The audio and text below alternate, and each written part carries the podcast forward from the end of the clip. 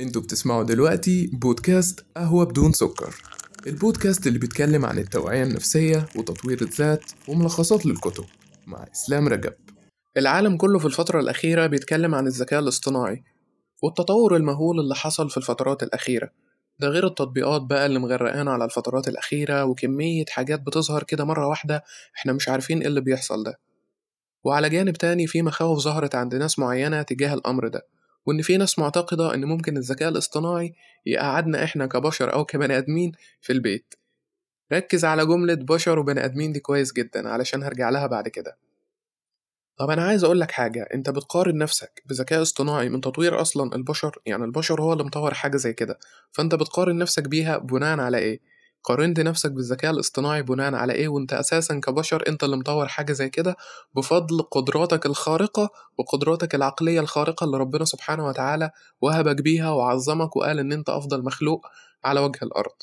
طب بلاش الكلام ده. تعرف إن عند البشر تسع أنواع من الذكاء لازم بيكون عند كل واحد مننا واحدة منهم على الأقل. بس الفكرة هل أنت اكتشفتها ووظفتها ولا لأ؟ طب ليه الذكاء الاصطناعي ممكن يتفوق عليك في فترة من الفترات؟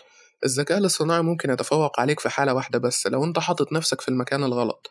لكن لو انت حاطط نفسك في المكان الصح وبتستغل قدراتك وبتستغل ذكائك وبتستغل المواهب اللي عندك في المكان اللي انت فيه أنا أقدر اقولك ان انت تقدر تتفوق على الذكاء الاصطناعي وكمان تقدر تتفوق عليه وباجتياز كمان. طب إزاي هتعمل حاجة زي كده؟ هتعمل حاجة زي كده لأن انت كل يوم بيجيلك مئات وآلاف من الأفكار لأن عندك مليارات الخلايا العصبية اللي موجودة في مخك.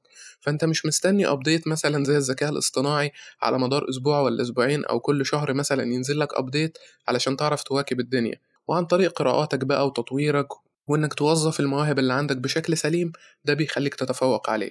دلوقتي هقولك تسع أنواع من الذكاء اللي عند البشر. عايزك بقى أنت في الآخر تقولي أنت مين فيهم بالظبط وهل لسه معتقد إن الذكاء الاصطناعي ممكن يتفوق عليك في مرحلة من المراحل ولا أنت قادر تطور من نفسك ومن المواهب اللي عندك في المجال اللي أنت فيه علشان تتفوق عليه؟ وبالعكس كمان ده أنت تقدر تستخدمه لصالحك. أنت ممكن بالفعل تستخدم الذكاء الاصطناعي لصالحك أنت مش هو اللي يوظفك ويخليك بتشتغل لصالحه هو. وده اللي هنعرفه بعد ما نعرف التسع أنواع من الذكاء اللي اتكلمنا عنهم. يلا بينا بس ما تنساش كوباية القهوة المظبوطة بتاعتك.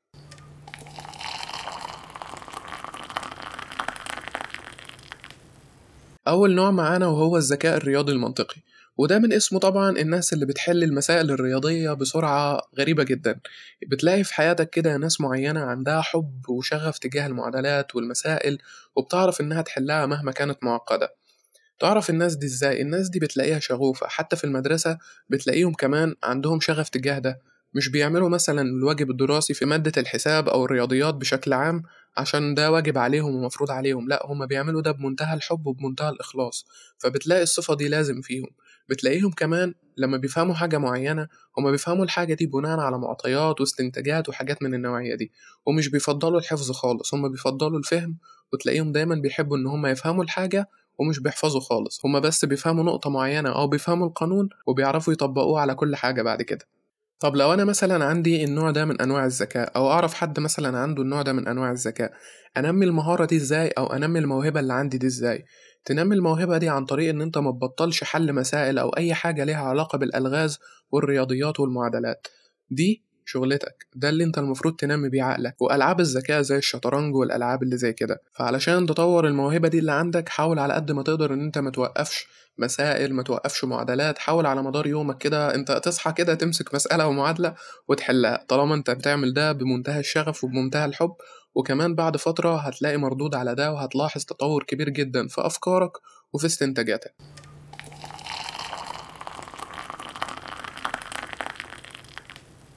تاني نوع معانا وهو الذكاء اللغوي. وفي النوع ده بقى هتلاقي إن الشخص ميال أكتر للكتابة وللقراءة والتأليف وما إلى ذلك من الكلام ده. الشخص ده عنده ذكاء رهيب في توظيف الكلمات والمصطلحات وإنه يختار صيغ معينة للجمل.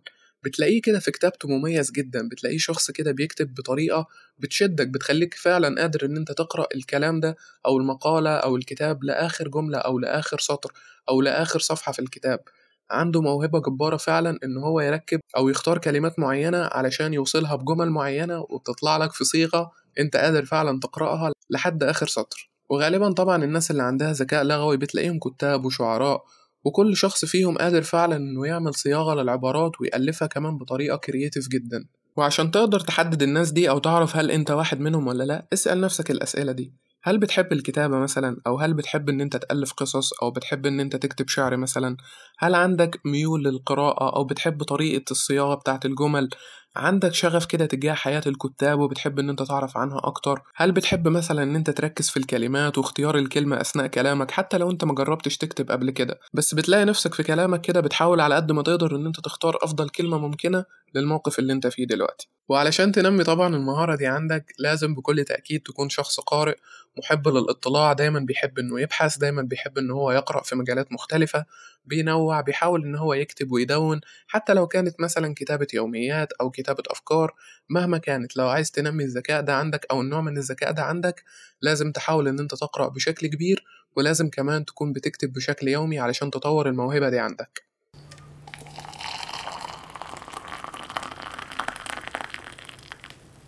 تالت نوع معانا وهو الذكاء الإنساني. وفي النوع ده تحديدا بتلاقي إن الشخص ما شاء الله عليه كده عنده قدرة خارقة إن هو يفهم أفكار الناس اللي حواليه ويفهم احتياجاتهم ويفهم نفسه كمان ويفهم الأفكار بتاعته هو. وبتلاقيه بيعرف يخرج منك المعلومات بطريقة معينة عن طريق الأسئلة. بيعرف يختار أسئلة معينة كده يخرج بيها كل حاجة من جواك. وفي الغالب بتلاقي الناس دول يا إما ثيرابيست يا إما دكاترة نفسيين. وعلشان تعرف النوع من الذكاء ده عندك ولا لأ اسأل نفسك الأسئلة دي. هل انت شخص متصالح مع نفسك وفعلا قادر إن انت تدي لكل الناس اللي حواليك نفس التصالح ده ونفس كمية الراحة والتوازن النفسي اللي عندك ولا لأ؟ هل بتحب علم النفس ومبادئ الفلسفة والمواد اللي ليها علاقة بالنفس والإنسان والإرشاد النفسي والكلام ده ولا ما بتحبوش وما بتحبش الكلام ده خالص؟ وبالنسبة لك الكلام ده مش في قاموسك أصلا. حاجات زي كده هتعرف تحدد هل انت عندك الموهبة دي ولا لأ. ونيجي بقى للجزء المهم إزاي ننمي حاجة زي كده عندنا؟ في النوع ده من الذكاء هتلاقيه بيعتمد على الذكاء اللغوي برضه. يعني قراءة الكتب بس اللي ليها علاقة بعلم النفس والإنسان والاجتماع والحاجات اللي ليها علاقة بأفكارنا والحاجات اللي ليها علاقة بالتصالح مع النفس وأي حاجة ليها علاقة بالنفسية والسلام النفسي. الحاجات دي لو فضلت تقرأ فيها بشكل يومي أو تسمع عنها مثلا بشكل يومي هتلاقي نفسك مع الوقت عندك خبرة وعندك نضج في أمور معينة وقادر إن أنت تفهم كل الناس اللي حواليك وقادر إن أنت كمان تساعدهم وتاخد بإيدهم وقادر كمان إنك تفهم نفسك وتحدد المشاكل اللي عندك وتحلها. وكمان هتلاقي نفسك فاهم نفسك كويس جدا ومتصالح معاها وبتحبها.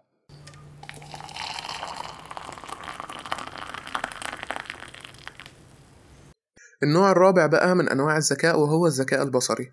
في النوع ده بقى بتلاقي إن الشخص عنده قدرة غريبة كده على التخيل وإنه يسرح بخياله وإنه يرسم صور في دماغه. يعني إيه الكلام ده؟ آه هو بالظبط الشخص اللي جه في دماغك الرسام.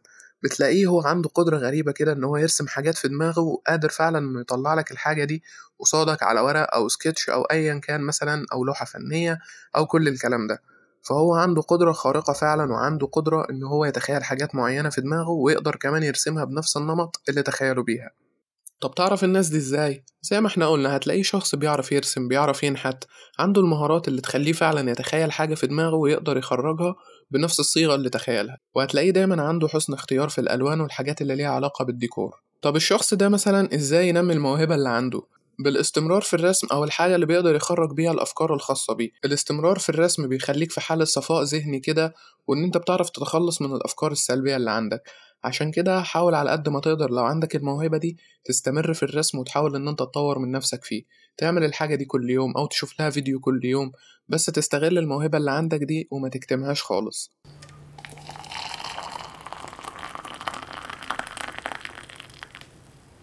خامس نوع من أنواع الذكاء وهو الذكاء الاجتماعي. هتلاقي دايما كده في أي قعدة أو مثلا أكيد صادفت حد كده بتحس إن كاريزمته عالية خالص. بتحسه كده أول ما بيقعد وبيتكلم الناس كلها بتلتفت ليه كده وبتبصله وحابة إنها تسمعه وبيخطف الأضواء كمان. شخص عنده كاريزما عالية كده بالفطرة. هو مش قاصد إن هو يعمل كده ولا هو بيحضر لده مثلا قبلها وتلاقيه قاعد بيفكر هو أنا إزاي هخطف الأجواء وكل الكلام ده. لأ هو لوحده حضوره كده طاغي ومتميز. بيقعد يتكلم الناس كلها بتسمعه. يقعد يقول حاجة تلاقي الناس كلها بتبصله كده وفرحانة إن هي بتسمعه وفرحانة إنها بتتكلم معاه. الشخص ده مش بيرتب لأي حاجة هو كده بالفطرة عنده ذكاء اجتماعي بشكل غير طبيعي. وعلشان تعرف الشخص ده وهو أساسا مميز مش محتاج أي علامات بس هتلاقيه فعلا شخص طبيعي كده واجتماعي جدا. عنده كمية علاقات غريبة جدا مش هتشوفها في أي حد تاني. هتلاقيه شخص كده لما بتقعد معاه أنت بترتاح نفسيا لما بتتكلم معاه لأنه بيديك وضعك وبيسمعك وأنت كمان لما بتسمعه بتحب إن أنت تسمعه وبتعمل ده بمنتهى الحب والإخلاص. هتلاقيه بيعرف يكون صداقات جديدة هتلاقيه فعلا قادر إن هو يتكلم في مكان عام كده بدون ما يتكسف بدون ما يكون عنده خجل مثلا إنه بيتكلم في المكان ده. فهتلاقي عنده المهارات دي في الأغلب. طب علشان مثلا الشخص ده أو أنا مثلا اكتشفت نفسي كده فحابب إن أنا أطور من الموهبة اللي عندي دي. أطور منها إزاي أو أعمل إيه مثلا يخليني إن أنا أطور من حاجة زي كده؟ علشان تطور من حاجة زي كده انت محتاج تقرأ مثلا عن لغة الجسد تقرأ عن فن التواصل. آه انت طبعا مش محتاج حاجة زي كده بس حاجة زي كده هتخليك فعلا برضو قادر إن انت توظف الموهبة بتاعتك بشكل سليم. لما تفهم لغة الجسد وتعمل الحركة دي إزاي وإمتى وفين وكل الكلام ده ده هيساعدك إن انت تتطور أكتر ومش بعيد تستغل ده في إن انت مثلا آه، تكون شخص سبيكر مثلا بيتكلم قصاد ناس كتير جدا محاضر تعرف تتكلم مع الناس وتقنعهم بوجهات نظرك. فلو انت الشخص ده فانت من الناس اللي عندها ثقة في نفسها عالية جدا لدرجة إنها تخليها تتكلم في أي مكان وتحت أي ظرف. فحاول على قد ما تقدر إن أنت تستغل الموهبة دي بإنك تطورها وإنك برضه ما تكبتهاش.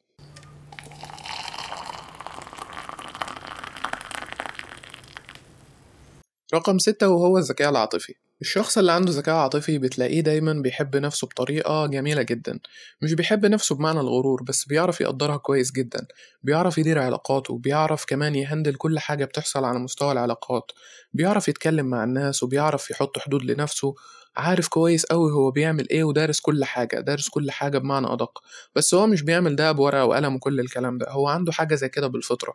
هو قادر فعلا إنه يحمي نفسه من أي صدمة عاطفية وقادر إنه يحمي نفسه من أي حالة اكتئاب أو إن هو يكره نفسه أو كل الكلام ده. هو بيحمي نفسه من كل ده بإنه فعلا قادر إن هو يحب نفسه ويقدرها صح وكمان يقدر يقدم لها الدعم في أي وقت. وعلشان تعرف هل عندك ذكاء عاطفي أو تعرف حد مثلا بالصفة دي ولا لأ اسأل نفسك السؤال ده. هو أنت من الأشخاص اللي بتنغمس في المشاعر السلبية والأحاسيس وتفضل تغرق فيها تغرق فيها وهي عارفة ومتأكدة إنها هتأذيها ولا أنت الشخص اللي بيحكم عقله في المواقف اللي زي دي وبيعرف يخرج نفسه منها كويس جدا علشان عارف إن هو هيتضرر وهيتأذى من حاجة زي كده؟ وعلشان تنمي الموهبة دي عندك فأنت عندك حاجتين ممكن تعملهم. أول حاجة إن يكون عندك وعي بالمشاعر الخاصة بيك وعارف المشاعر بتاعتك دي أنت حاسسها ليه وإيه السبب أصلا اللي خلاك تعيش المشاعر دي؟ طب إيه هو التاني؟ إن أنت تتدرب كل يوم على إن يكون عندك وعي أصلا بالمشاعر الخاصة بيك والمشاعر دي أصلا إيه سببها؟ طب هعمل حاجة زي كده إزاي؟ أول حاجة تحدد المشاعر اللي خلتك تنغمس في التفكير للدرجة دي، اكتب المشاعر دي على ورقة، حاول إن أنت تكتب كل يوم، تكتب المشاعر، تكتب الأفكار، لحد ما توصل للنقطة اللي وصلتك للأفكار دي، هتلاقي نفسك فعلا ورا المشاعر دي أو ورا الشعور اللي أنت حاسس بيه سبب قوي جدا أنت بتحاول إن أنت تخفيه، اعمل التمرين ده كل يوم واكتب مشاعرك أول بأول وافهم نفسك كويس جدا. ولو مش عارف إيه المشاعر اللي ممكن تكتبها ابحث على جوجل واكتب عجلة المشاعر. هتظهر لك عجلة فيها كل المشاعر اللي ممكن نحس بيها إحنا كبشر. اختار منهم الشعور اللي حاسه بيناسبك في الوقت الحالي واكتبه. واسأل نفسك أنا ليه حاسس بالشعور ده؟ وإيه ما وراء الشعور ده أصلا؟ أنا ليه حسيت بيه؟ وإزاي أقدر أخرج نفسي من حاجة زي كده؟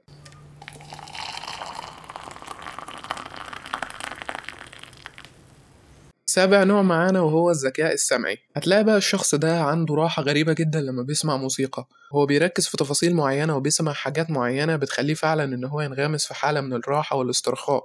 وغالبا بتلاقي الناس دي هم موسيقيين مثلا أو مطربين قادرين فعلا إن هم يميزوا النغمات دي وكمان يعرفوا المختلف اللي فيها وكمان يقدروا يعيشوا نفسهم في حالة من الراحة بسبب الموسيقى دي. وعلشان تعرف النوع ده موجود عندك ولا لأ اسأل نفسك هو أنت لما بتعمل حاجة معينة بتحب إن أنت تسمع موسيقى ولا لأ؟ بس ركز موسيقى مش مهرجانات والأغاني والكلام اللي إحنا بنسمعه اليومين دول. إحنا بنتكلم في موسيقى وفن بيدرس فحاول إن أنت تركز وتفصل ما بين ده وده. كل الناس بتسمع أغاني وهي بتعمل كل حاجة بس قليل جدا منهم اللي بتلاقيه بيسمع موسيقى وهو مرتاح إنه بيعمل حاجة زي كده. فركز وشوف هل انت من الناس اللي بتسمع موسيقى وبتبقى مستمتعة بده لما بتعمل أي حاجة في حياتها مهما كانت ولا لأ. وطبعا مش محتاج أقولك علشان تطور من نفسك في حاجة زي كده فأنت محتاج تكون بتتعلم على آلات موسيقية أو دخلت المجال ده أساسا بالأساس أو على الأقل حتى لو لسه ما دخلتش فيه وما عندكش القدرة إن أنت تدخل في المجال في الوقت الحالي حاول على قد ما تقدر إن أنت تسمع كتير وتسمع لناس فاهمة في الموسيقى. تسمع لهم وتسمع هما بيتكلموا إزاي وطريقتهم أصلا هما بيناقشوا الأفكار الخاصة بيهم وإزاي أصلا بيطلعوا أفكار جديدة علشان يعملوا معزوفة جديدة أو موسيقى جديدة أو كل الكلام ده. أنا ما فهمش في حاجة زي كده قوي فما وعدكش إن أنا هقدر أساعدك. ممكن تسيرش على الموضوع وهتلاقي أفكار كتير جدا ممكن تساعدك في ده.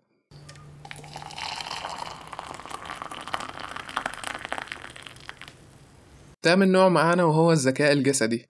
وغالبا بتلاقي الناس دول هم راقصين الباليه والناس اللي بتلاقي شغلهم في الأساس هو حركة ومعتمد على الجسم الخاص بيهم. زي الباركور مثلا والمهارات أنا مش عارف أنا قلتها صح ولا لأ بس بوجه عام هي الحاجات اللي ليها علاقة بالرياضة والحاجات اللي بيتعمل فيها حركات صعبة رياضية محدش يقدر يعملها غير قليل جدا من الناس. وده بيحصل مع تمارين كتير جدا ومجهود كبير جدا ومجهود جبار كمان بيتعمل من خلال الناس دي.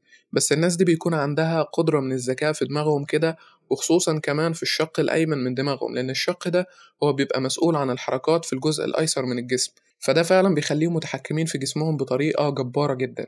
وعلشان تعرف الناس دي فأنت هتشوفهم لوحدك كده. وأبسط مثال ممكن اديهولك كده هو بروسلي يعني كلنا شفنا بروسلي وقدرته إن هو يحرك جسمه بطريقة غريبة جدا وبسرعة كمان غريبة جدا بسرعة جبارة بسرعة جبارة. هو عنده ذكاء جسدي يخليه فعلا يتوقع حركات ويقدر يعمل حركات قتالية وحاجات غريبة جدا. روحوا افتحوا يوتيوب واتفرجوا عليه هتلاقوا حاجات غريبة جدا بتحصل. وعلشان تنمي النوع ده من الذكاء لازم تحدد الرياضة اللي انت لقيت نفسك فيها. الرياضة اللي لقيت فعلا إن جسمك قابلها وقادر إن انت تدي فيها. وتدرب عليها كل يوم.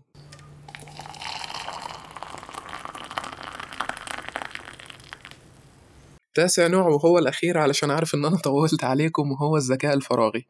يعني إيه الذكاء الفراغي؟ الناس بقى المميزة بالذكاء ده أو عندهم الذكاء ده بالفطرة بتلاقيهم عندهم قدرة غريبة جدا إن هم يحفظوا الأماكن اللي بيروحوها. بتلاقيهم بيحفظوا فعلا الأماكن اللي هم بيروحوها. وعندهم قدرة كمان إن هم يحفظوا خريطة في وقت قليل جدا جدا كمان. ويحفظوا الاتجاهات والمساحات وحاجات كتير جدا ممكن يعملوها. أنت بشكل منطقي تشوفها كده تقول مستحيل حد يقدر يحفظ حاجة زي كده. بس هم عندهم القدرة إن هم يحفظوا حاجة زي كده. وعشان تعرف حاجة زي كده موجودة عندك ولا لأ شوف نفسك هل بتحفظ الطرق المعقدة في وقت قليل جدا ولا لأ؟ هل عندك القدرة إن أنت ترسم خريطة ذهنية ولا لأ؟ وعلشان تدرب نفسك على حاجة زي كده فأنت محتاج إن أنت تقرأ أكتر عن الخرايط والدلائل البيانية والحاجات اللي ليها علاقة بالمساحات والكلام ده. حاول إن أنت تقرأ فيها أكتر وحاول إن أنت تنمي نفسك فيها أكتر علشان تنمي الموهبة اللي عندك دي وتستغلها أفضل استغلال.